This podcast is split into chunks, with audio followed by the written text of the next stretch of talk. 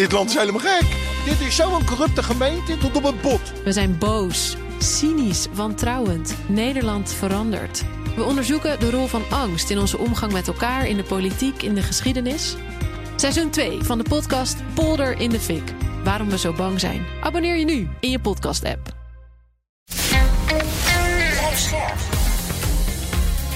BNR Nieuwsradio. Het verkiezingsdebat. Bernard Hammelburg. Van harte welkom bij het BNR Buitenlanddebat. In aanloop naar de Tweede Kamerverkiezingen organiseert BNR acht debatten met acht verschillende thema's die voor iedere Nederlander belangrijk zijn en waar trouwe luisteraars ook buiten verkiezingstijd veel en vaak over horen op BNR. We zijn niet alleen op de wereld, we hebben 192 buitenlanden. En dus houden we vandaag het buitenlanddebat.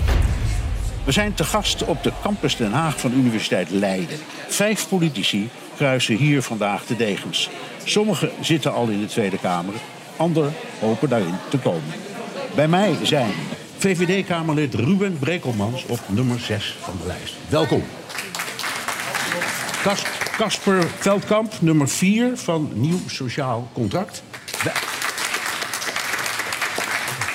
Kati Piri, Tweede Kamerlid namens GroenLinks, Partij van de Arbeid en nummer 4 op de lijst. Gijs Tuinman, nummer 3 van de Boer-Burgerbeweging. En Jan Paternotte, fractievoorzitter van D66 en nummer 2 op de lijst. Welkom allemaal, fijn dat jullie er zijn. Mijn steun en toeverlaat eh, deze mooie reis die wij nu samen gaan maken...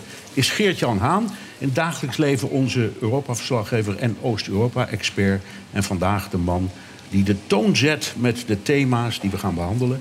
En mocht hij daar aanleiding toe zien, we kennen Geert-Jan daarvoor... dan breekt hij rustig in tijdens het debat met een scherpe vraag of opmerking.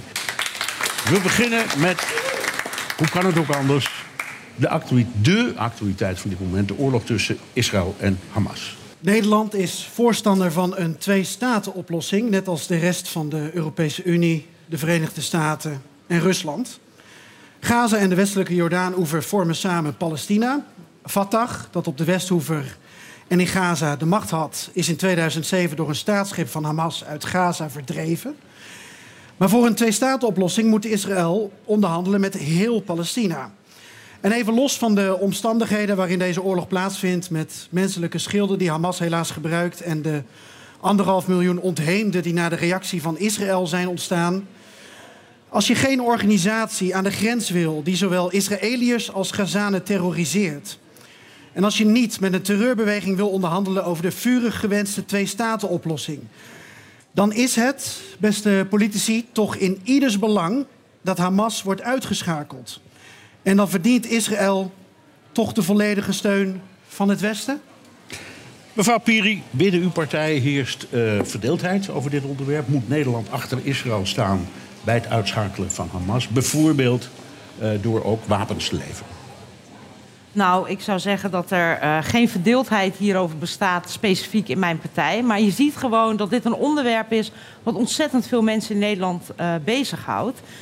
Wij wisten als Tweede Kamer niet dat het kabinet onlangs onderdelen uh, voor F-35's heeft geleverd aan Israël.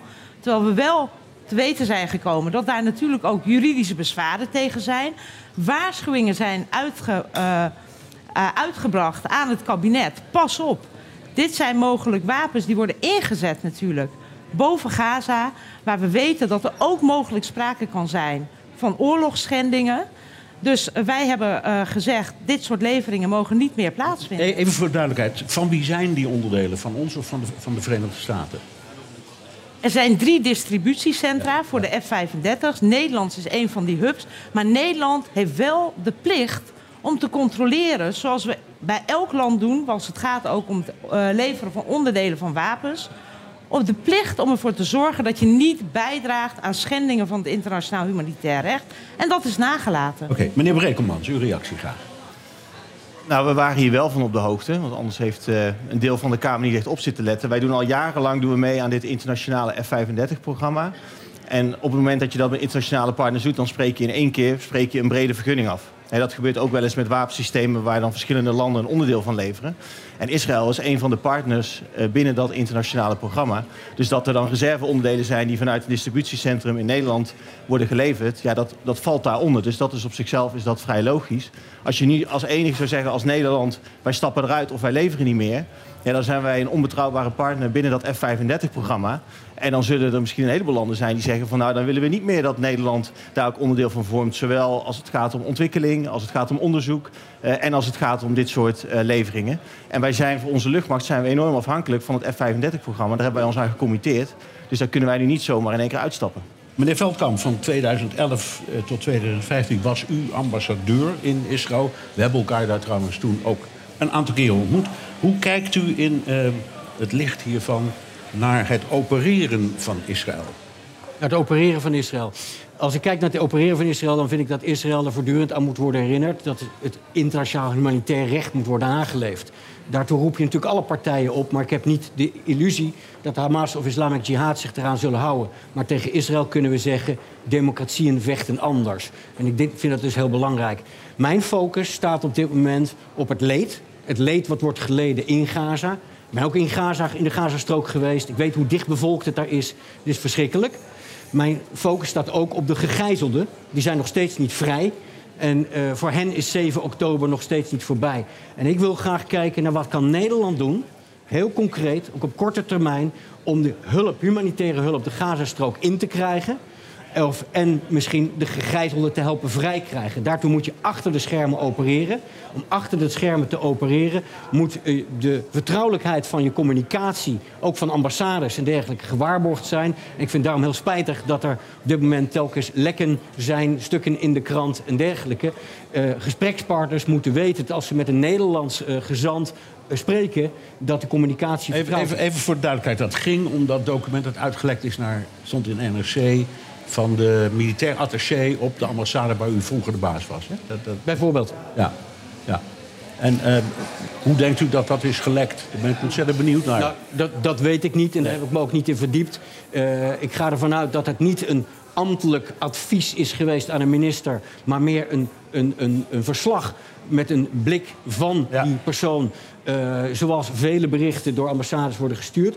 Maar nogmaals, mijn focus staat op wat kunnen we nu Los van de wat langere termijn, waar Geert-Jan het over had, twee statenoplossing. En los van de middellange termijn, hoe gaan we straks en wie gaat straks Gaza besturen? Mijn focus staat nu ook op de korte termijn. Wat kunnen we doen aan humanitaire hulp? Ja. En dan zie ik dat uh, wat dat betreft de coördinatie ook vanuit Nederland best eens wat beter en sneller zou mogen.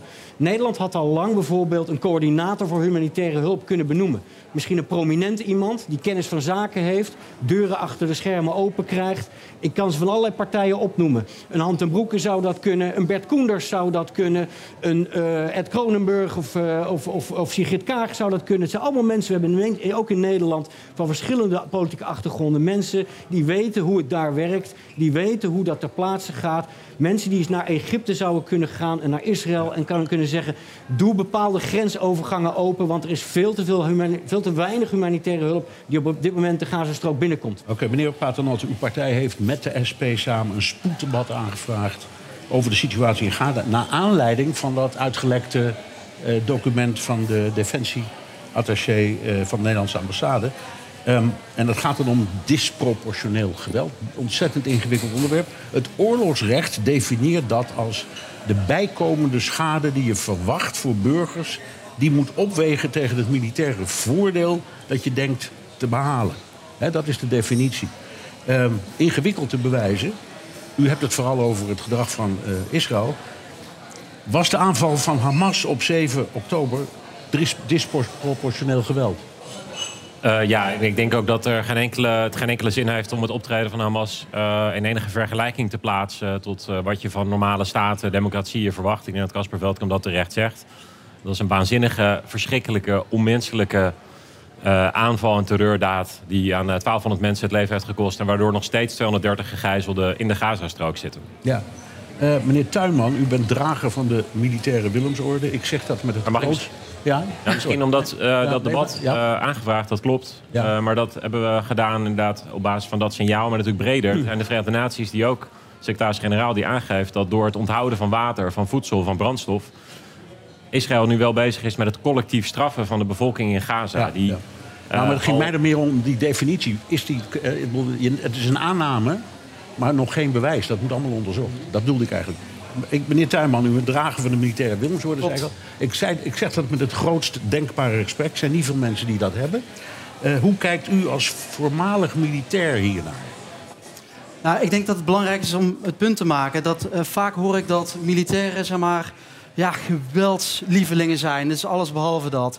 Kijk, ik heb het zelf aan de, aan de lijve mogen ondervinden wat oorlog en conflict betekent. En dat er niet een simpele oplossing is. En dat er meerdere verantwoordelijkheden in dat, eh, in dat geheel liggen. Maar het punt wat ik hier eh, wil maken, als ik hier naar militair kijk... en we hebben het ook over het eh, ledigen van de humanitaire eh, noden... dan is het belangrijk en dan moet het ook gebeuren. Maar ik, de kanttekening die ik er wel wil bij plaatsen... Hè, nu zijn de eerste ja, halve tankwagen aan brandstof is uiteindelijk de Gaza ingegaan voor dat ziekenhuis. Maar als wij met z'n allen de illusie hebben dat we humanitaire hulp, brandstof, medicamenten, voedsel, water, de Gazastrook in kunnen laten stromen zonder dat dat bij Hamas komt, dan eh, slaan we de plank goed mis. Dus je moet goed beseffen dat alles wat daarin gaat uiteindelijk ook bij eh, Hamas eh, zal, zal aankomen.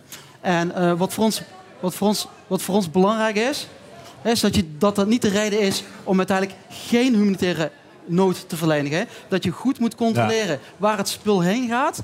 Maar dat we ook van de maakbare wereld eigenlijk af moeten stappen. Dat we denken dat we alles kunnen controleren eh, daar zo. En waar wij als Nederlanders echt verantwoordelijk voor zijn, Ja. vind ik echt, is Ik- wat er hier in onze samenleving gebeurt. Ik zie mevrouw met geweld, Is het- ja, antisemitisme. En daar moeten we Ja. allereerst goed eh, tegen optreden. Ik zie mevrouw Piri en meneer Paternotte allebei met de ogen draaien. Dus gaat u gang, mevrouw Piri. Ja, weet u, ik bedoel, we zien volgens mij allemaal die verschrikkelijke beelden uit Gaza binnenkomen. 2,2 miljoen Palestijnen die nergens heen komen. En er zijn inmiddels al meer dan 10.000 doden gevallen. Onschuldige mensen. En ik zou willen zeggen dat het ook een illusie is om te denken dat je humanitaire hulp kunt bieden aan 2,2 miljoen mensen zonder een humanitair staakt het vuren. Dat is een illusie waar de VN ook voor waarschuwt, waar mensenrechten Nou, er is, een, eh, er is een resolutie, de veiligheid is aangenomen, veiligheid is aangenomen gisteravond, vannacht. Vannacht, inderdaad. Ik ben blij dat voor de eerst Ik ben blij dat voor het eerst de Amerikanen zich van niet een veto hebben uitgesproken. En de Russen ook de niet. En de Britten ook niet. En nu is het wel zaak dat het dus gaat gebeuren. En meneer Hammelburg, waar ik me ook een beetje aan stoor...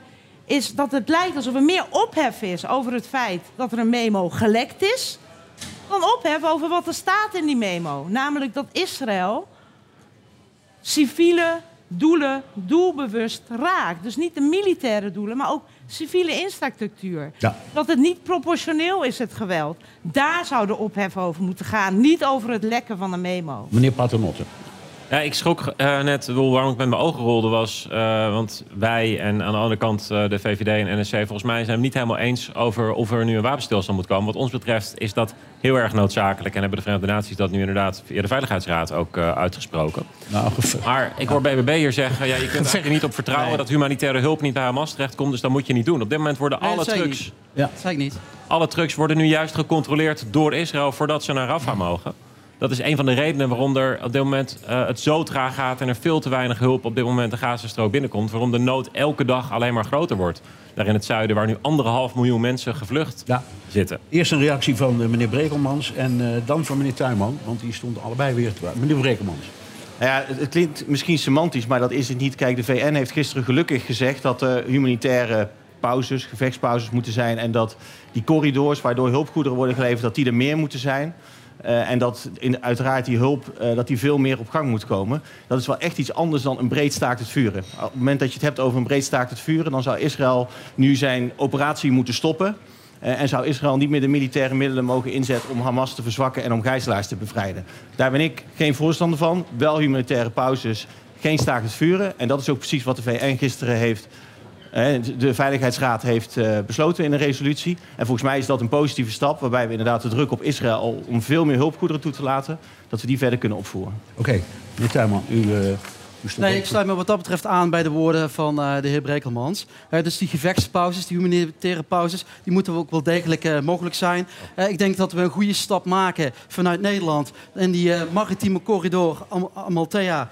Dat we daar een stapje in zetten. Maar wat we wel verbaasd is wat we erheen sturen, is een, een patrouillevaartuig. Wat enerzijds niks kan doen op het gebied van veiligheid. En uiteindelijk helemaal geen capaciteit heeft of die goederen ook daadwerkelijk heen en terug te brengen. Dus dan is het wel een, een politi- politiek signaal wat we afgeven. Maar waar wij in geloven is dat je daadwerkelijk ook die maritieme corridor op de juiste manier faciliteert. En voor mijn part huren we een roll-on, roll-off schip in. Die we die kant uitsturen. Dat, dat daadwerkelijk, als die corridor open gaat, daadwerkelijk goederen in, eh, eh, eh, de Gazastrook kunnen krijgen. Even afgezien van dat die haven op dit moment geen, geen vaartuig of überhaupt overslag kan, kan faciliteren. Meneer Veldkamp. Ja, kijk, de Veiligheidsraad heeft opgeroepen tot humanitaire pauzes. De VS heeft dat ook gedaan. De voltallige EU, alle 27 EU-ministers hebben dat afgelopen maandag ook gedaan. Dus dat is nu het meest kansrijk. Waar mijn focus op staat, eh, kan Nederland, zodra er een pauze is, dan wel een staakt het vuren, meteen humanitaire goederen daar brengen. Dat kan te land, te zee en in de lucht. Eh, Jordanië heeft pas droppings gedaan vanuit de lucht met vracht, militaire vrachtvliegtuigen. De zee, daar zou je dat moeten kunnen vanuit schepen, maar dan moet je wel de juiste schepen sturen die spullen naar een strand kunnen brengen zonder haven. Meest effectief blijft over land. Egypte heeft een grens, inderdaad. En de Rafah Crossing, Egypte heeft een grens van 12,5 kilometer met de Gazastrook. Ik zou zeggen, druk op Egypte om te zorgen dat zij meer binnenlaten. Ik zeg ook richting Israël. Daar is de grensovergang Kerem Shalom aan het zuidoostpuntje van de Gazastrook. Ik ben er ettelijke malen geweest. Het is een groot, groot complex. Daar staan ook scanners die door Nederland zijn geleverd destijds... om te zorgen dat landbouwgoederen de Gazastrook uit konden, veilig voor Israël. Die scanners kun je ook de andere kant op gebruiken om humanitaire goederen erin te laten. En dan heb je zo'n 120 vrachtauto's per dag, als ik het goed heb. Dat is nog niet genoeg, maar er zou druk moeten zijn. En ik vind nogmaals dat het te langzaam gaat om te kijken hoe kunnen we als Nederland dit coördineren. Kunnen wij een Europese voorhoede creëren van landen die hiermee bezig zijn? Hoe krijgen we dit daadwerkelijk tot stand? Want meer dan elkaar de maat nemen hier, dat mag over wat daar precies gebeurt, denk ik dat het effectiever is voor mensen daar als we daaraan werken. Geert-Jan, jij wilde een vraag stellen. Ik hoorde Jan Paternotte zeggen dat Israël momenteel eh, de bevolking van Gaza collectief aan het straffen is. En ik wil daarop door met een vraag toch voor Kati Peri. Ehm, is dit niet een hele, heel bitter bijeffect van de militaire noodzaak om Hamas te vernietigen? Omdat, als we ooit een twee-staten-oplossing willen, Hamas dan niet een rol van betekenis mag spelen? Nou kijk, ik ben het ermee eens dat eh, het uitgesloten is dat Hamas een rol kan spelen in de toekomst van Gaza. Dat lijkt me duidelijk. En dat is ook zeker niet de manier waarop we ooit weer zullen komen tot die twee-staten-oplossing. Maar Israël, een democratie horen wij echt te houden aan de hoogste standaarden. En collectief straffen, wat Israël doet met het niet doorlaten, onvoldoende doorlaten van humanitair hulp, van 2,2 miljoen Palestijnen, die de facto worden gezien als ondersteuners dus door Hamas, dat is gewoon niet in lijn met het internationaal recht. Dat is collectief straffen en dat is verboden. Wordt een spannend eh, debat in de Tweede Kamer. Het verkiezingsdebat. Je zou het soms bijna vergeten, maar eh, op, op ons eigen continent woedt ook nog steeds een oorlog. Geert-Jan. Dit is ook onze oorlog, zegt Mark Rutte. Maar na twintig maanden ziet het er niet naar uit dat Oekraïne onze oorlog gaat winnen. En daar gaan we het over hebben. Met de huidige westerse steun kan Oekraïne als soevereine staat overleven, maar niet de Russen verslaan. Dat stellen meerdere militaire experts. En toen ik dit jaar in Kiev was, toen zei de Britse generaal James Cowan tegen mij: Het gaat om de ways en de means, de doelen en de middelen. En die matchen op dit moment niet. Wat het Westen doet, is pappen en nat houden. Dus stel je middelen bij of je doel. Dus beste politici, als uw partij mag regeren, laat u Vladimir Vladimirovich Poetin dan winnen. Want dan moet u volgens generaal Cowen vooral doorgaan zoals het nu gaat. Oké. Eh, meneer Veldkamp, ehm, is dit voor NSC nog onze oorlog? Ja, zeker. En een nieuw sociaal contract, wij staan pal achter Oek- Oekraïne. Oek- eh, Rusland mag niet winnen. Dat is niet alleen een kwestie van solidariteit met Oekraïne, maar dat is ook iets wat onze eigen veiligheids- en de Europese veiligheidsordening eh, raakt. Stel je voor dat Rusland wint. Dat betekent dat, dat je met geweld een buurland kan binnenvallen... en de grens in Europa kan wijzigen. Dat kunnen wij niet toestaan. Dat is ook niet ons eigen belang. Wij vinden dat we Oekraïne moeten blijven steunen. Uh, militair, ook economisch, ook financieel, ook humanitair, nu en in wederopbouw. En uh, dat we ook ons moeten blijven inspannen om andere landen, zoals Duitsland, telkens weer over te halen om meer te doen. Nou, Rusland kan het volgens experts, en Geert-Jan Haan is veel meer expert dan ik als het gaat over Oekraïne, maar Rusland kan volgens experts het heel lang volhouden. Economisch, militair, um, en ook qua, qua, mensen die ze kunnen inbrengen. Dat betekent dus dat we ook vanuit landen als Nederland moeten kijken... kunnen wij een, een langdurig commitment afgeven. Ik zou wensen dat in een volgend kabinet... we een meerjarig commitment afgeven voor steun aan Oekraïne. Ja, meneer Tuinman, oorlog duurt nu twee jaar. Zit muurvast in Oekraïne. Hoe voorkomt u dat Poetin wint? Nou, wat we zien eigenlijk is, is dat Oekraïne wel degelijk uh, onze, onze oorlog voert. En het is belangrijk dat de Oekraïne wat dat betreft ook niet verliest. Maar ik wil wel een kanttekening plaatsen. Als we het hebben over winnen en verliezen. We hebben het hier elke keer over winnen. En dat is ook wat het kabinet elke keer zegt. We moeten de oorlog winnen. Maar als je wint, betekent dat je een verliezer hebt. Ja. En wat ik hier, als ik wil uitzoomen. Als je het hebt over verliezers, dan is het duidelijk wie verliest. Dat is Rusland. De vraag is alleen, als je kijkt naar verliezers door de krijgshistorie heen. En hoe wij uiteindelijk uh, op dit ei hier in Europa zijn gekomen. Is dat de verliezer wel zijn verlies moet accepteren. Ja. Dus, nou, wat, wat hier dus het gaat, gaat, ook om de definitie van winnen en verliezen. Ja, maar wat het betekent. Hè? Dus waar het over gaat is dat je hebt politieke doelstellingen. Die moeten in lijn zijn met de militaire doelstellingen. En die moeten in lijn zijn met de middelen die je er tegenover stelt. En op dit moment is dat niet zo. Uh, ons kabinet heeft het alleen over militaire middelen die we beschikbaar stellen. We, we spreken hier niet over de politieke einden. En wat dat betreft sluit ik me hier aan uh, bij uh, de heer Veldkamp van het NSC. We moeten veel duidelijker stellen wat uiteindelijk het politieke doel is. Rusland was het buurland van ons, is het. En het zal er blijven. En wij bepalen op dit moment voor een deel hoe dat Rusland, wat straks na deze oorlog, hoe, wat de uitkomst ook mogen zijn, hoe dat eruit ziet. Ja, en het ligt nog steeds in Europa, hè? althans het Europese deel. Zeker waar. Het blijft daar gewoon liggen. Ja, Oké, en... ik, ik hoor zo dadelijk graag Zeker. wat de andere partijen hiervan vinden. Want uiteraard komt u allemaal uitgebreid aan het woord. Uh, we gaan er eerst even tussenuit, uh, maar praten daarna direct verder over dit onderwerp. Tot zo. Het BNR Buitenlanddebat. Welkom terug bij het BNR Buitenlanddebat met VVD-Kamerlid Ruben Brekelmans, GroenLinks PvdA-Kamerlid Kati Piri, D66-fractievoorzitter Jan Paternotte en namens BBB Gijs Tuinman en namens NSC Casper Velkamp. De gangmaker in dit debat is Europa-verslaggever Geert-Jan Haan. Uh, we hebben het zojuist gehad over de situatie in Gaza en Israël. En we zijn zojuist gestart met het thema Oekraïne. Zaten wij eigenlijk middenin. Hoe moet de Oekraïne-strategie er voor de komende jaren uitzien? Meneer Brekelmans, uh, we komen dadelijk ook nog te spreken over mogelijke uitbreiding van de Europese Unie. Maar als we nu puur naar Oekraïne kijken, is het lidmaatschap van de NAVO en of de EU noodzakelijk voor zowel Oekraïne als voor ons? Op, de lange termijn wel. Uh, dat hebben we ook gezegd, hè, dat Oekraïne, als ze aan alle criteria voldoen, dat ze welkom zijn om, uh, om lid te worden. Alleen ik maak me toch nog even naar wat we voor de pauze bespraken. Ik maak me heel erg zorgen over de korte termijn. Kijk, de Europese Unie heeft beloofd om 1 miljoen artilleriegranaten te leveren. Het is nu duidelijk geworden dat de kans heel groot is dat we dat gewoon niet gaan halen. Terwijl Oekraïne eigenlijk al veel meer nodig had.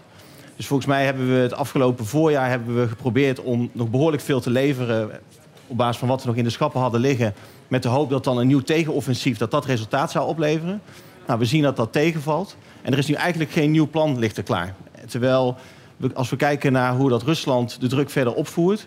Ja, dan met datgene wat wij nu van plan zijn om te leveren... gaat Oekraïne dit gewoon niet volhouden. Dus we kunnen nu over allerlei vergezichten spreken. En dat is ook wel goed. Uh, maar ik maak me vooral heel erg zorgen over 2024... En we moeten dus allereerst zorgen dat we die 1 miljoen artilleriegranaten wel nakomen. En dat we als Europese Unie ook veel meer de transitie maken naar een oorlogsindustrie. En ervoor zorgen dat we meer productielijnen kunnen opzetten om veel meer wapens en munitie te leveren. Maar, Want anders gaat Oekraïne op korte termijn verliezen. Een, een, oorlogs, een oorlogseconomie is, dat is een groot ding hoor. Een oorlogseconomie, dan moet je echt je complete financiële economisch systeem omschakelen. Gaan we toch niet doen hier? Nou, ik, zeg het, ik zeg ook niet zwart-wit van we gaan nu naar een volledige oorlogseconomie. Ik zeg we moeten veel meer richting een oorlogsindustrie. Dus wat je nu ziet is dat er nog steeds een heleboel wapen- en munitiefabrikanten zijn... die al maandenlang aarzelen om nieuwe productielijnen op te zetten. Want er is onvoldoende zekerheid. Want er is eh, concurrentie onderling. En het is dus niet mogelijk blijkbaar om als Europese Unie te zeggen... wij gaan er nu gewoon Ja. voor zorgen dat dat wel geleverd wordt. En daar gaat Oekraïne heel veel last van krijgen het komende jaar. Ja. Meneer Paternotte, u wilt de steun voor Oekraïne voor vijf jaar vastleggen. Het sluit prima hierbij aan. Over welke steun hebben we het dan? Over de steun die Oekraïne nodig heeft om ervoor te zorgen dat ze de oorlog kunnen winnen en dat eh, Poetin niet wint. Want als we Poetin laten winnen, dan maken we eigenlijk exact dezelfde fout die eh, aan een aantal keren eerder is gemaakt en die juist heeft geleid tot deze oorlog. Omdat in Georgië, in Tsjetsjenië, de Donbass, de Krim, met het uit de lucht schieten van MH17 Rusland al voor heel veel dood en verderf heeft gezorgd. En er steeds niet echt de echte consequentie aan werd verbonden dat je Rusland daarvoor moet straffen. Dat je duidelijk moet maken dat er een grens ligt. Hoe? Als, Hoe? Dus als Rusland eh, eh, wint, dan hebben we een heel groot probleem. Want dan zullen ze niet daar stoppen. Dat zei Casper Veldkamp terecht. En daar moeten we Oekraïne helpen. Ruben Brekelmans heeft gelijk. Dat betekent dat we veel sneller moeten gaan met het opbouwen van een wapenindustrie... waar Oekraïne ook voldoende aan heeft. Ja, we zagen nu die beelden van de Oekraïnse piloten in de F-16's. Dat was het mooie, mooi beeld en het geluid van vrijheid... dat ze er eindelijk in vlogen.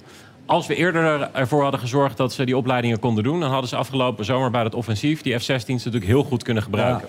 Dus dat geeft aan dat het heel belangrijk is om op tijd de moeilijke besluiten te nemen... om Oekraïne te steunen waar dat nodig is. En zoveel als dat nodig is om te voorkomen dat de Russen kunnen winnen. Ik kom even terug bij u, mevrouw Piri, want we hadden het al over het thema winnen en verliezen. Ehm, en in dit geval ja, doet zich echt de vraag voor hoe, hoe moeten we het definiëren? Wanneer zou u nou zeggen, nu hebben we, wij, Westen, Oekraïne, we hebben gewonnen en Rusland heeft verloren? Ja, eh wij hebben altijd natuurlijk gezegd, ook, ook het Nederlands kabinet heeft dat gezegd, dat dat natuurlijk uiteindelijk aan de Oekraïners is om te beoordelen. Zij hebben vele jaren geleden al een stuk van hun grondgebied verloren, dat was de Krim. Vervolgens heeft natuurlijk Rusland twee jaar geleden deze verschrikkelijke voortzetting van de oorlog eigenlijk eh, doorgezet. Eh, laten we duidelijk zijn, waar Oekraïne nu staat op het eh, slagveld, als het hier ophoudt, heeft Oekraïne niet gewonnen. En ik heb altijd, mijn partij heeft altijd de inzet van het kabinet gesteund, waar het gaat om die militaire hulp. Ik denk ook dat Nederland er alles aan heeft gedaan om te leveren wat wij op de planken hadden. Ik zie nog wel dat in andere Europese landen daar ruimte is. En daar, meneer Hammelburg, maak ik me zorgen over twee dingen. Eentje is de Amerikaanse verkiezingen. We weten allemaal dat er mogelijk een andere president in dat Witte Huis gekozen kan worden. Die die hulp niet zal voortzetten. En dat betekent dat die urgentie er ook moet zijn in de Europese Unie. om ons voor te bereiden op dat scenario. Uiteindelijk gaat het ook om onze veiligheid. En hoewel ik zeg dat de partijen hier Oekraïne steunen. en wij ook dat vanuit de oppositie altijd hebben gedaan.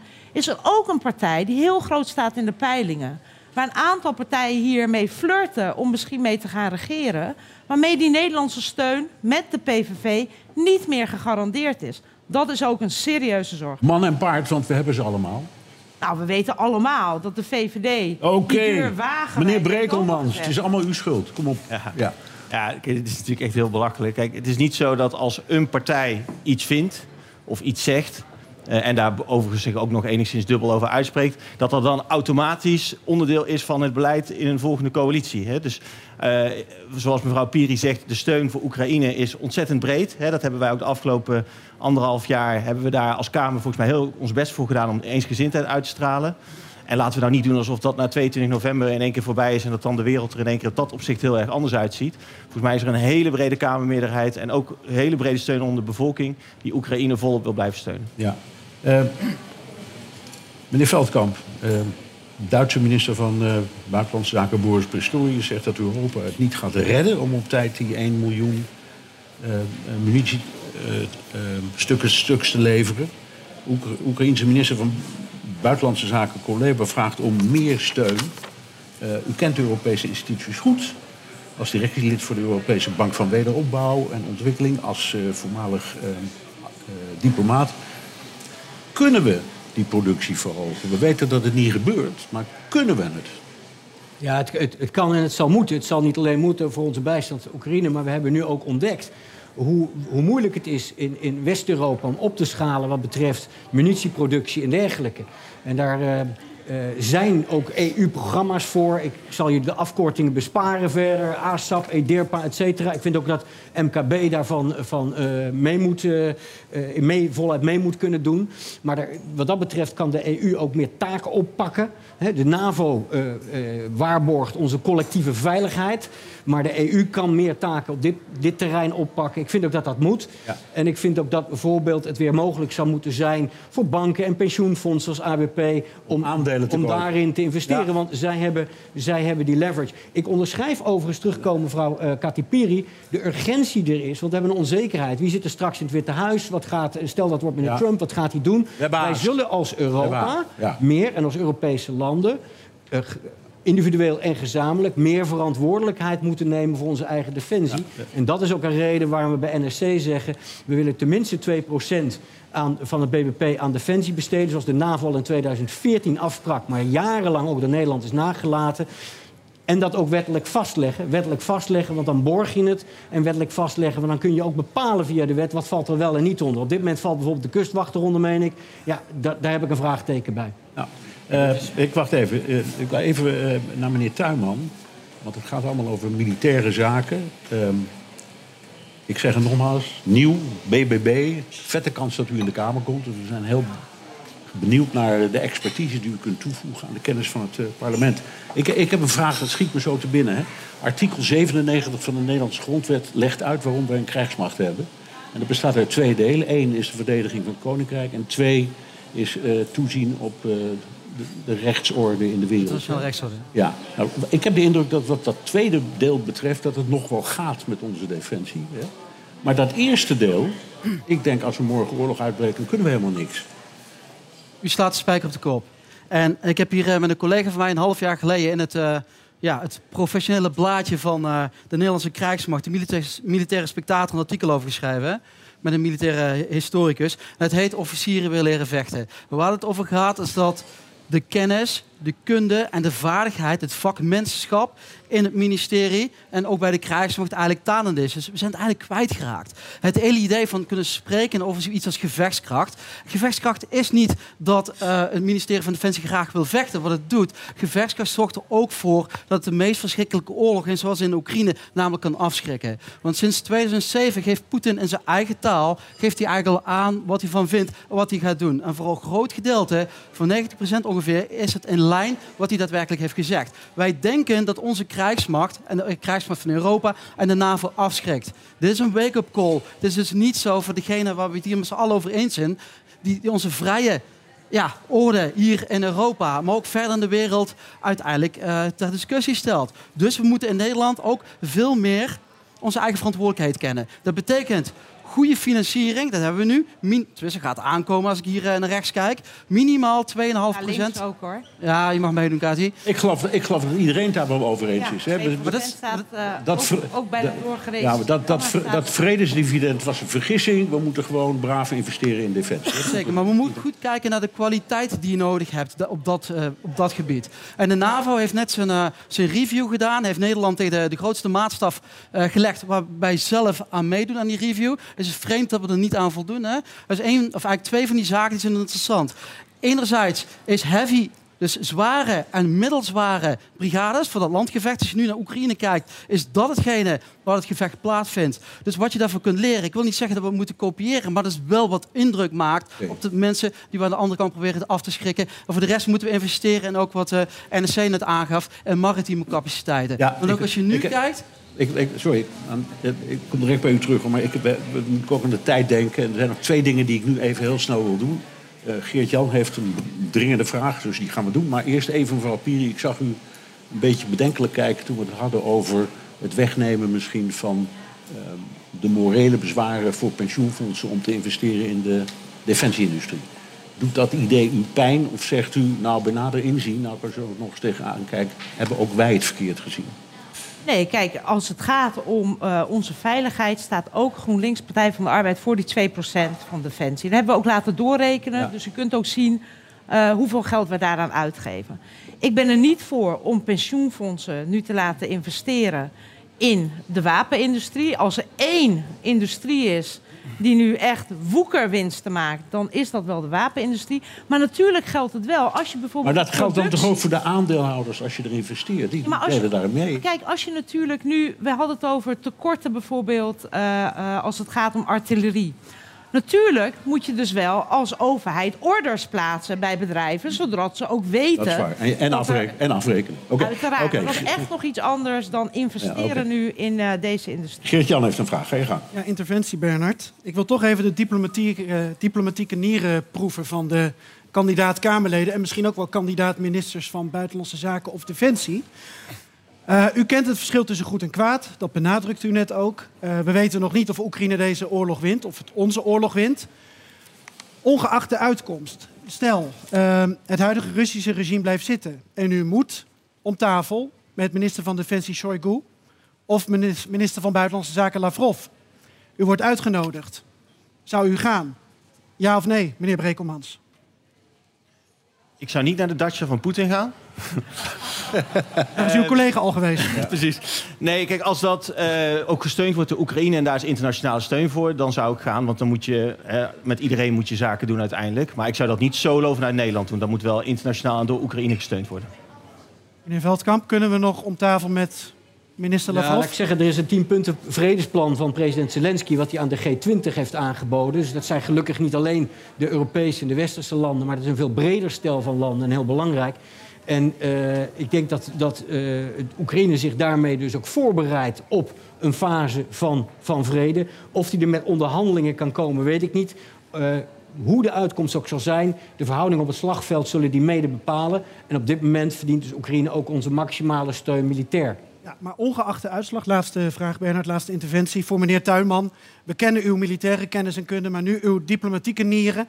Stel, ongeacht de uitslag van de oorlog, na de oorlog komt er een moment dat u als minister van Defensie met uw Russische collega om tafel moet. Met meneer Shoigu, die is blijven zitten. Wilt u hem ontmoeten, ja of nee? Hij mag hier naar Nederland komen. Dan wil ik hem wel ontmoeten. Of anders in Brussel. Naar? Nederland om in, eh, voor, het, eh, voor het tribunaal in Den Haag, bedoel je? Precies, ja. Dat is de grens. Ja, dat is de grens. ja. Ja, dus de- de- de- het gaat om de locatie, maar het- het gesprek gaat u niet uit de weg. Geldt dat, eh, meneer Paternotte en mevrouw Piri, ook voor u?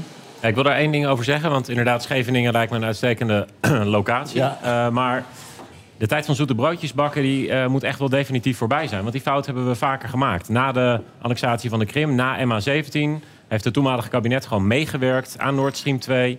Na de inval in Oekraïne stond premier Rutte naast Boris Johnson om te zeggen... ja, onafhankelijk van Russische energie, dat gaat gewoon niet lukken. Het is ons nu wel gelukt. De Russen eh, vinden het prachtig om te praten als het hun kant op komt. Dus praten zal uiteindelijk nodig zijn, maar wel op het moment dat je ook weet dat de Russen moeten gaan bewegen naar die vrede en naar het erkennen van de grenzen van Oekraïne. En anders heeft het geen zin. En aanvullend daarop zou ik willen zeggen... zolang Poetin en zijn ministers daar zitten... weten we dat die gang niet, eh, niet zal worden ingezet. Oké, Eh, we sluiten het thema af. Het verkiezingsdebat. De vraag eh, of Oekraïne lid mag worden van de Europese Unie ligt al op tafel. We hebben het al over gehad. Maar Oekraïne is niet het enige land dat erbij wil komen. Ehm, wat willen wij eigenlijk, Geert-Jan? Ik wil vrede, vooral. Ja? Eh, op onze voorwaarden. Ooit was er de EEG. Dat was een wilde, want het waren zes landen die met elkaar beslissingen maakten. En de EU is sindsdien zeven keer uitgebreid. Zes werden er negen, negen werden er tien. Tien werden er twaalf, vijftien, 25, 27, 28 en er viel er één weg. De pubquiz-vraag laat zich raden, dat waren de Britten.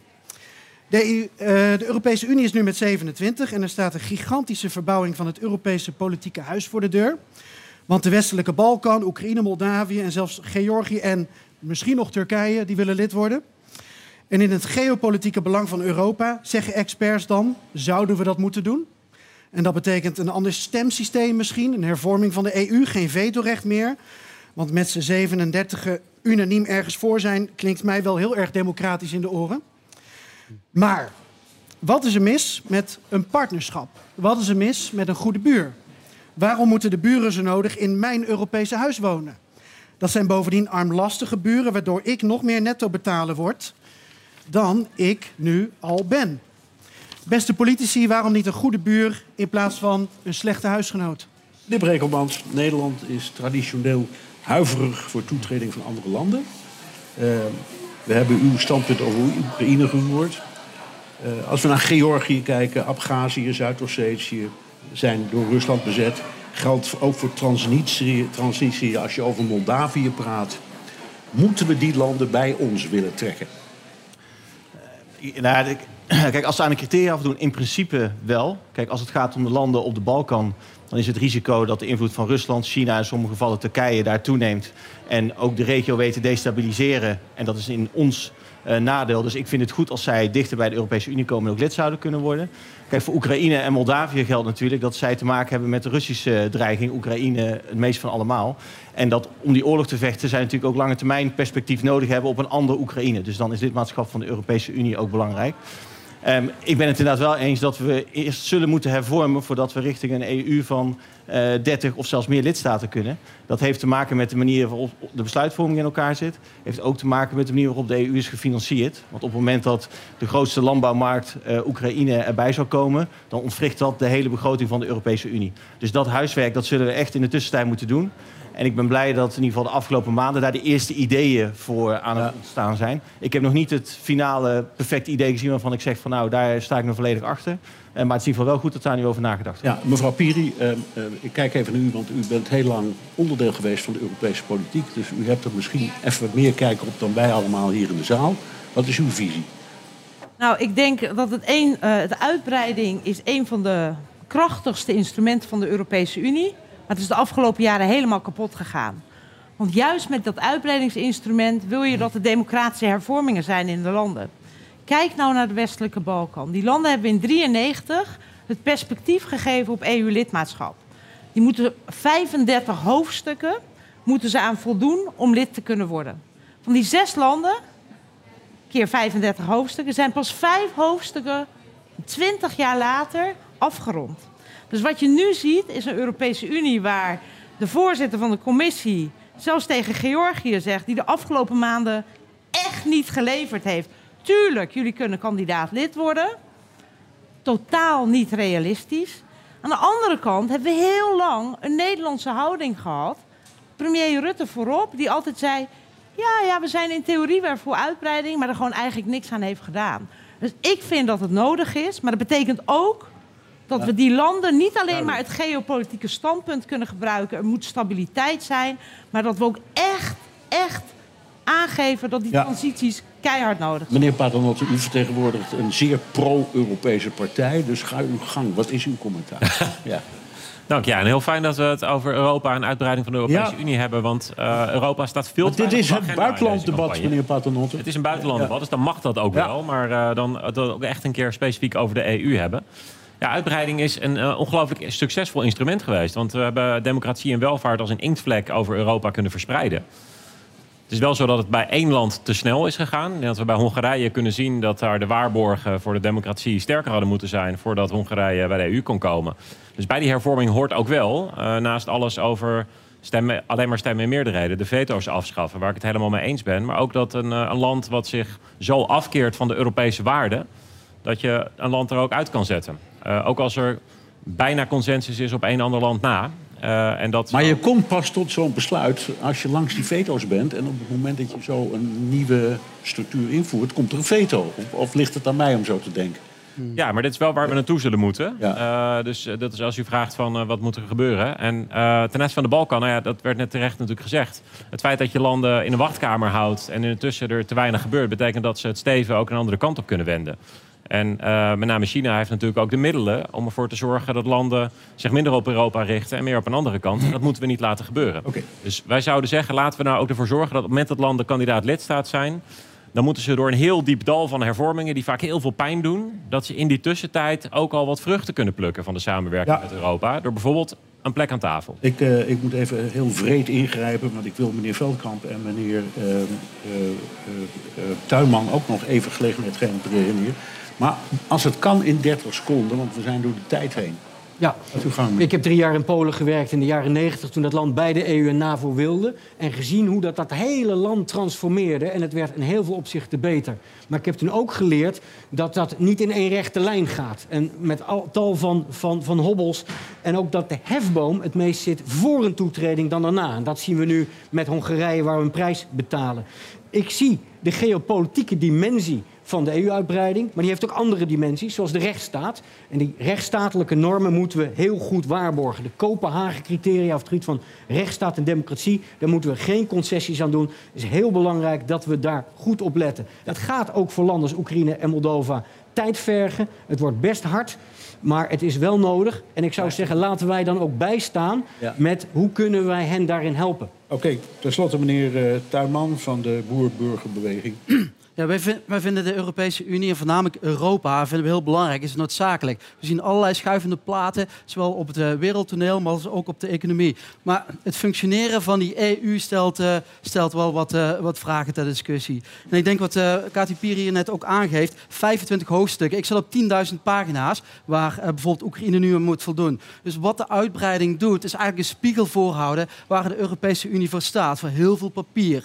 En daar wil ik toch wel terug naar het primaire beginsel waar het allemaal om te doen was, het subsidiariteitsbeginsel. En het gaat ervan uit dat de Europese Unie vooral de dingen moet doen die wij als landen niet zelfstandig kunnen doen. En dat betekent wel een, een punt maken en een vuist maken tegen eh, nou, de dictators in deze wereld, maar voornamelijk ook ervoor zorgen dat we met z'n allen en ook Nederland een betere handelspositie krijgen en uiteindelijk de centjes hier kunnen verdienen die we voor alle plannen die we hier hebben met al deze partijen hier in Nederland uiteindelijk om die te kunnen betalen. Mevrouw Piri, stel dat we er een stuk of vijf landen bij krijgen. Hè. U hebt net uitgelegd, het is een monster te proje- project om uit te voeren, maar dan toch. Dan mogen de mensen uit die landen hier ook wonen en werken, hè, want dat hoort erbij. Eh, misschien goed voor de krappe arbeidsmarkt, zou je kunnen zeggen. Maar kunnen we, hebben we wel plaats voor die mensen? Kunnen we ze huisvesten? Nou, het hangt er wel vanaf eh, welke vijf landen er toetreden. Hè? Dus eh, als je kijkt naar de landen op de Balkan, eh, de landen die het verst, maar nog steeds heel ver zijn eigenlijk van toetreding. Eh, dat zijn natuurlijk vrij kleine landen, waarvan eigenlijk een heel groot deel van de bevolking en de jongeren al wegtrekken naar Europese Unielanden om daar te werken. Hebben wij ook gezien toen wij met de Kamercommissie daar op bezoek waren. Dus dat is een heel ander vraagstuk dan eerder in 2004. Natuurlijk met tien landen, waaronder Polen, een heel groot land dat lid werd. Of laat staan als Oekraïne ooit lid wordt van de Europese Unie. Heeft dat natuurlijk een totaal andere dimensie dan op het moment dat een Servië of een Montenegro eh, klaar zou zijn voor eh, lidmaatschap. Dus die vraag is niet zo makkelijk te beantwoorden. Nee, nou, vrees ik al. Eh, ja, daarom stel hem op. Meneer Tuin, mag nog even naar u terug. Want u had een heel duidelijk en overtuigd verhaal over uw visie op ehm, de, de EU. Ehm, even over dat vetorecht. U bent de new guy on the block, dus u kan nu nog alles willen en zeggen wat u wilt. Hoe komen we van dat veto af? Maar de vraag is of we het van het veto af willen. Kijk, waar het uiteindelijk de Europese Unie allemaal om ging, is dat we samenwerken. Maar dat gaat wel over wat de, de kracht is van die Europese Unie. We zien het ook in de NAVO terug. Is de cohesie, is de samenhang. Dus op het moment dat je het veto weghaalt en dat samenleving, en ook hier de Nederlandse samenleving en de uiteindelijk vertegenwoordigende overheid niet de mogelijkheid heeft om hun punt, hun- misschien wel hun bezwaren, daadwerkelijk eh, te kunnen laten landen in de Europese Unie, dan is het juist het tegenovergestelde dus daar. Volgens mij hebben we het hier ook je krijgt- veto op buitenlandbeleid, toch? Ja, zeker. Daar gaat hetzelfde voor. Ja. Dat is belangrijk. Dat, want als je het namelijk niet doet, dat betekent eigenlijk dat je voorbij gaat aan eh, de parlementen. En wat je eigenlijk doet, is dan een grote unie bouwen die unilateraal beslissingen kan nemen. Wel, maar je kunt zeggen, het meerderheidsbeginsel is in een democratie toch een prima beginsel. Als je het maar goed kwalificeert. Ja, zeker, maar als we bijvoorbeeld kijken naar de verschillende groepen die uiteindelijk in of regio's die ook in de Europese Unie bijvoorbeeld zitten. Je hebt de zuidelijke, maar je hebt bijvoorbeeld de, de noordelijke, je hebt de oostelijke. Ja. En voor iedereen zijn de uitdagingen zijn anders. Dus de uitdagingen voor eh, Italië en Spanje bijvoorbeeld, die kijken veel meer naar Afrika.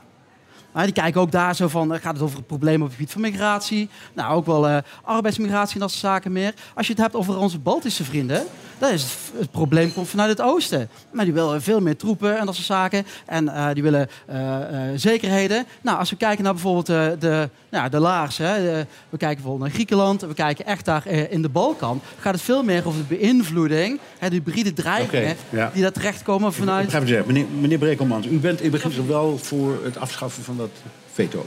Op buitenlandbeleid wel. Ja, eh, buitenlandbeleid wel.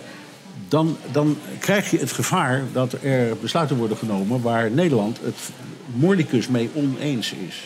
Hoe ziet u dat dan? Dat is een nadeel. Daarom zijn wij als VVD zijn we daar ook eh, een aantal jaar tegen geweest. Alleen we zien nu door de veiligheidsdreigingen om de EU heen... dat we er nu eigenlijk veel meer last van hebben dat, we, dat, dat is. Bijvoorbeeld Hongarije die allerlei sanctiepakketten eh, tegenhoudt. Dus we hebben ook gezegd van nou, gegeven dat eigenlijk de wereld vijandiger is geworden... en het juist belangrijk is dat je op buitenlandbeleid als EU slagvaardiger wordt... eh, ook eh, zijn wij voorstander van om nu het veto af te schaffen. Kijk, er kunnen twee eh, dingen gebeuren. Eén is dat er een crisis in de EU ontstaat... waardoor toevallig de, de, de gele sterren net goed genoeg staan... om tot een grote hervorming te komen. Ik denk dat dat, nou, die kans is klein, maar het zou kunnen. Je kunt in de tussentijd natuurlijk wel binnen het buitenlandbeleid kijken... zijn er al elementen die politiek iets minder gevoelig liggen... en dat je dat al in ieder geval met gekwalificeerde meerderheid doet. Bijvoorbeeld het verlengen van sancties. Hè, dus niet het instellen van nieuwe sancties... Eh, want dat is, natuurlijk heeft grote economische consequenties voor landen ook. Dus dat zullen ze niet zomaar opgeven. Maar begin dan in ieder geval daarmee. Ehm, en dan kun je in ieder geval daar een start mee maken. Ja. Met, eh, die aanpassing. Geert-Jan, eh, die, zijn, zijn belangrijkste functie, behalve nu hier... is eh, dat hij Europa-verslaggever is. Dus hij is de expert bij ons in huis. Ga je gang. Nou, we hebben het over afschaffen van een veto, ja of nee. Maar ik denk altijd een beetje out of the box. Eh, kunnen we Hongarije afschaffen? Oftewel, het zwaarste middel op dit moment. Oostenrijk, Hongarije ervan maken weer. Ja, een- Toch een voorstel waar u misschien wel een gedachte over heeft, mevrouw Peri. Eh, het zwaarste middel nu is dat je een EU-lid kan schorsen. Dat is volgens mij één keer gebeurd, Oostenrijk, onder Jurg Haider. In ieder geval in de recente geschiedenis. Wat er vaak gebeurt, is dat er gekort wordt op subsidies of fondsen. Ehm, moet je een land dat echt niet meer mee wil doen met de rest... uit de EU kunnen zetten? Mijn antwoord is ja, alleen het kan gewoon niet op dit moment volgens de verdragen. Sterker nog, je ziet dat het Europees Parlement voor het eerst vijf jaar geleden eh, heeft opgeroepen van zet nu die sanctieprocedure in tegen Hongarije. En je ziet dat de EU-lidstaten, dus de regeringsleiders, al vijf jaar deze hete aardappel constant voor zich uitduwen en er gewoon geen besluit komt. Dus gebruik in ieder geval alvast de middelen die je hebt. Dat doen we al door geld nu van de EU te onthouden. Eh, eh, hè, die sturen we nu niet naar Hongarije. Maar zorgen ook voor dat hun stemrecht wordt afgenomen. Net zo effectief, zolang je zo'n land er niet uit kunt. dat is eh, artikel 7, geloof ik, hè? Uit. Artikel 7, Ja, dat ja. had je dan toen. En we hebben nu vrij snel binnenkort een nieuwe Poolse regering. Dat gaat het veel makkelijker maken om Hongarije echt sancties te kunnen opleggen die ook pijn gaan doen. Helaas is er wel weer een regering in Ja, Slowakije die wel. Zeker, maar die heeft in ieder geval in de meerderheidsstemming wat minder eh, in de melk te brokkelen dan Polen. Dus Ja. die mogelijkheden moeten wel Ja, direct dat- benut dat- worden. Want je ziet dat democratieën wereldwijd onder druk staan. En als Europa die al niet kan beschermen, Het brengt mij, meneer Veldkom, NSC, op een, denk ik, voor de hand liggende vraag. De EU, net als de NAVO zou je kunnen zeggen, is een vereniging van democratieën. Zo zijn ze bedoeld, zo zijn ze opgericht. En in democratieën heb je altijd wel ergens verkiezingen. En die verkiezingen vallen niet altijd eh, uit zoals we ze hier in Den Haag eigenlijk het liefst zouden zien. Dat is gewoon de consequentie van wat het is. Toch? Dus maar het gaat er wel om dat die eh, verkiezingen in een democratisch kader plaatsvinden met een rechtsstaat die functioneert. En daarom vind ik die Kopenhagen-criteria op het gebied van rechtsstaat zo cruciaal in het EU-uitbreidingsproces. Niet alleen vanwege de rechtsstaat zelf, maar ook voor de cohesie van de EU als geheel. We zien dat nu met Hongarije, dat we zeg maar buitenlands politiek ook last hebben van het feit dat Hongarije zich tot een zeer autoritair bewind heeft ontwikkeld. Eh, en ik zou kunnen zeggen, ja, heel veel mensen zeggen van eh buitenlands politiek moet de EU zo snel mogelijk nieuwe lidstaten als in de Balkan bij, erbij laten. Nou, dan heb ik toch wel een vraagteken. Kijk naar het Servië van meneer Vucic op dit moment. Eh, eh, dat is bepaald rechtsstatelijk eh, met heel veel vraagtekens omgeven.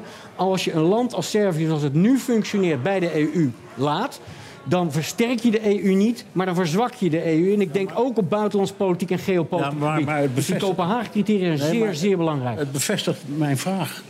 Want toen Hongarije lid werd, waren er helemaal niet zoveel signalen van autocratie. Het was gewoon een keurig land.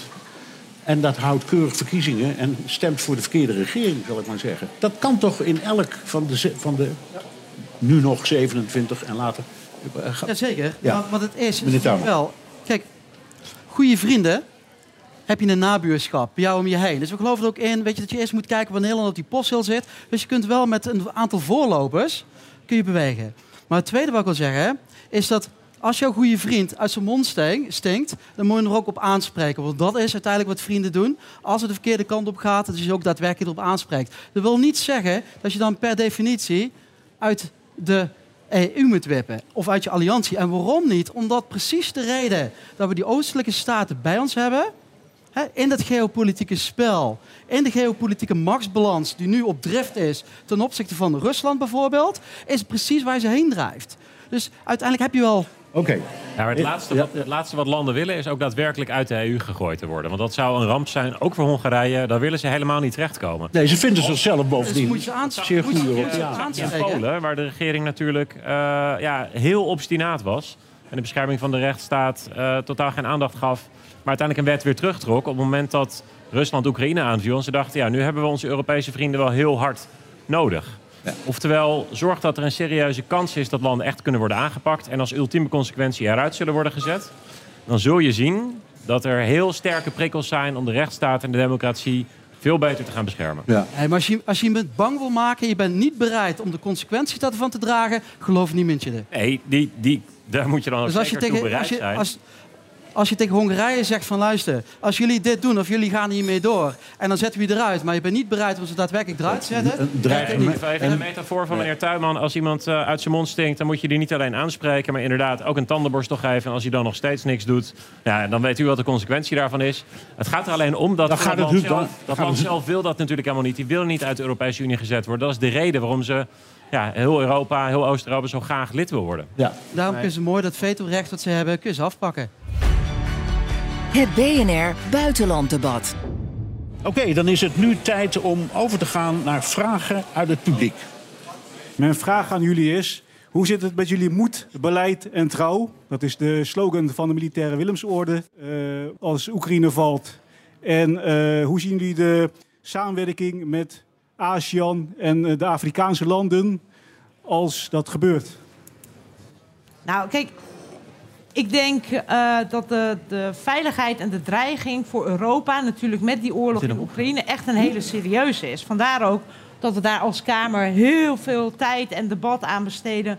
Maar ook dus het kabinet steunen in het leveren van die wapens. En tegelijkertijd, eh, in het zwartste scenario, denk ik dat de eerste landen die dan het meest urgent hulp nodig hebben, zijn natuurlijk de landen die grenzen uh, grondgebied. Ja, u noemde ASEAN. Ik denk dat het uh, mooi is omdat we het nog nauwelijks over China en uh, bijvoorbeeld Taiwan hebben gehad. Terwijl er in dat deel van de wereld natuurlijk met heel veel belangstelling en ook uh, enige angst natuurlijk wordt gekeken naar Europa. Oekraïne is ook een testcase. Is het een, een land wat uiteindelijk geofferd kan worden op het moment dat een dictator het binnenvalt?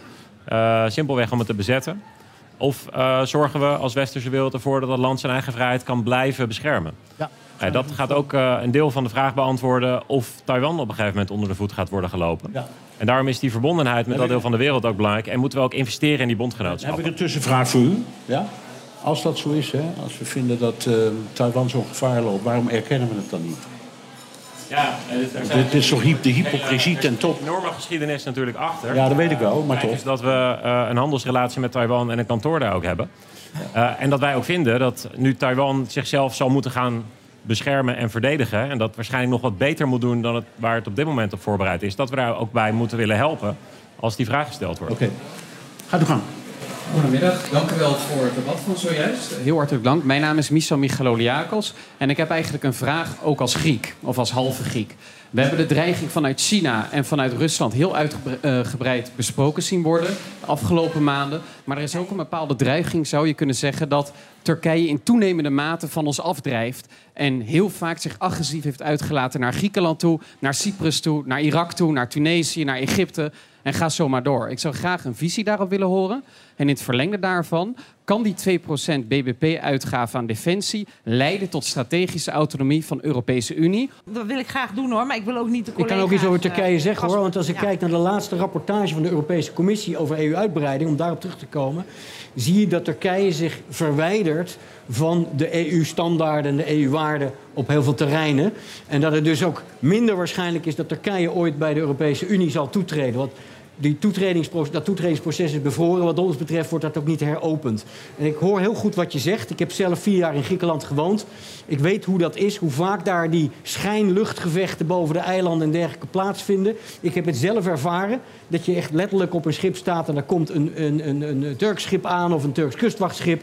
Eh, en hoezeer zij bepaalde gebieden betwisten. En eh, ja, de EU-buitengrenzen zijn de EU-buitengrenzen. En dat moet duidelijk zijn. Dat mogen we als EU ook duidelijk markeren.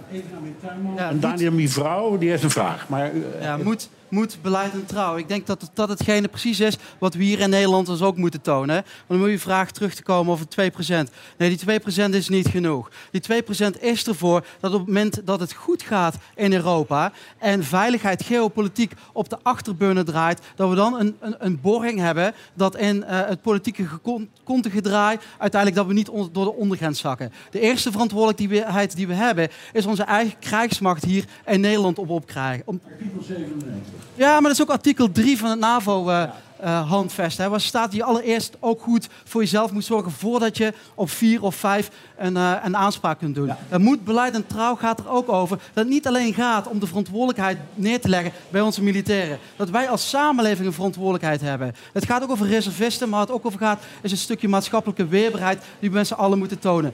Dan pas kun je uiteindelijk anderen te hulp schieten. En dan pas kunnen we uiteindelijk afschrikking genereren. Of dat nou richting China is, of dat dat inderdaad ook naar onze eigen bondgenootsch- gen- genootschappen is, onze bondgenoten zijn, om ze uiteindelijk wat dat betreft meer in onze pas te laten marcheren. er komt nog één vraag en die komt van onze eigen Geert-Jan.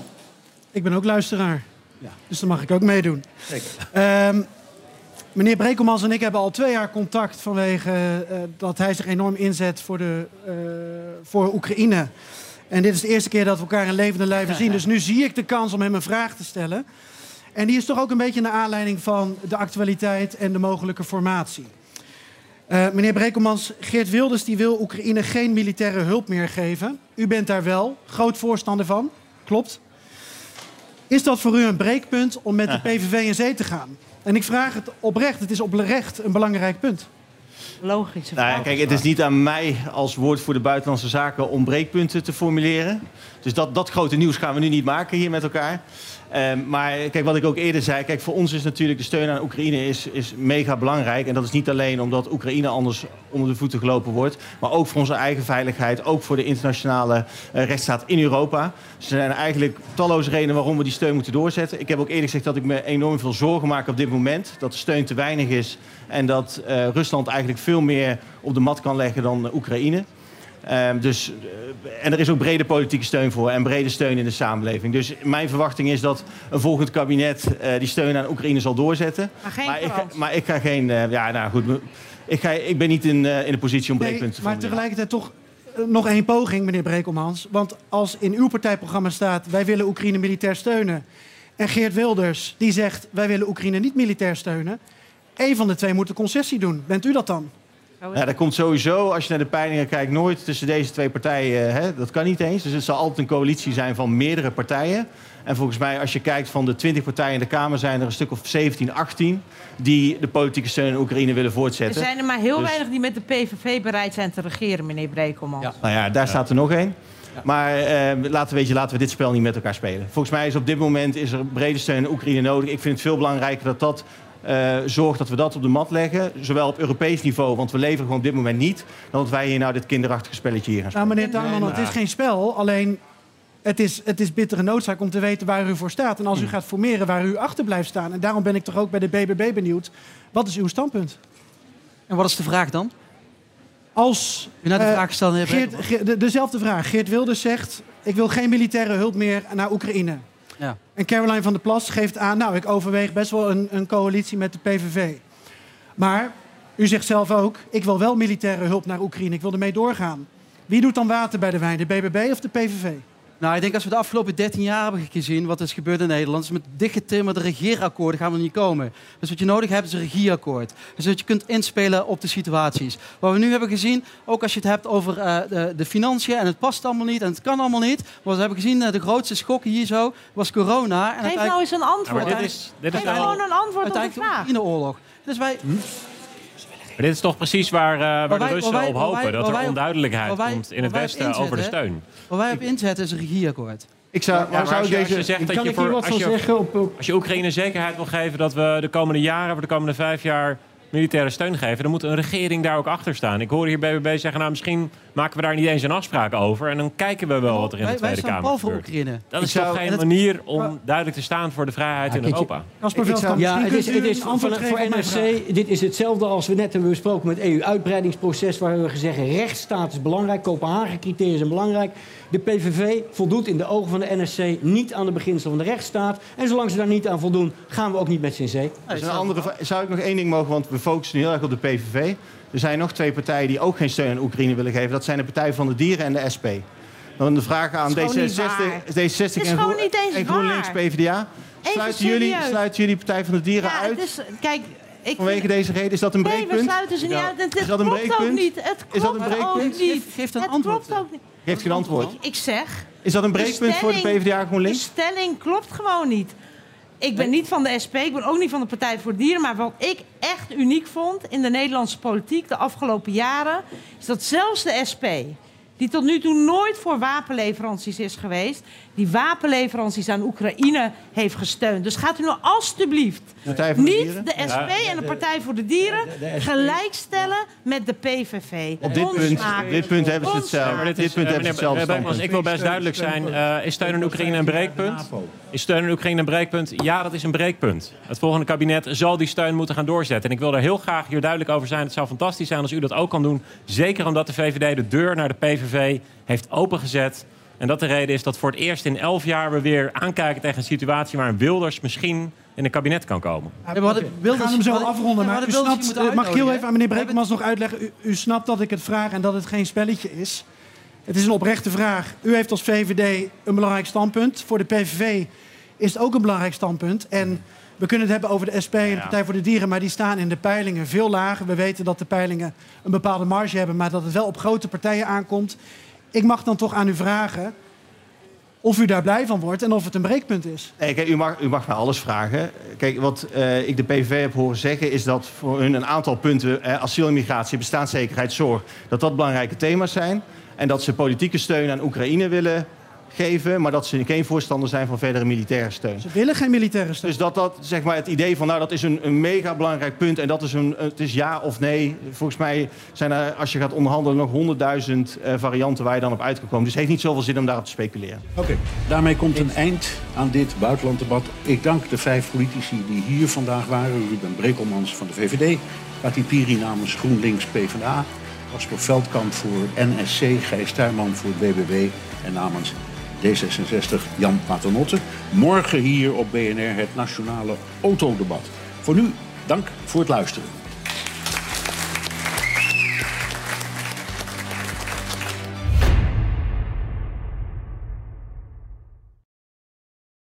Ook Liesbeth Staats vind je in de BNR-app. Ja, heel handig. Luister live naar Kees en mij tijdens de Daily Move. Dan blijf je ook gelijk op de hoogte van breaking news en het laatste zakelijke nieuws. En daar vind je ook alle BNR-podcasts, waaronder de Perestrooikast. Download nu de gratis BNR-app en blijf scherp.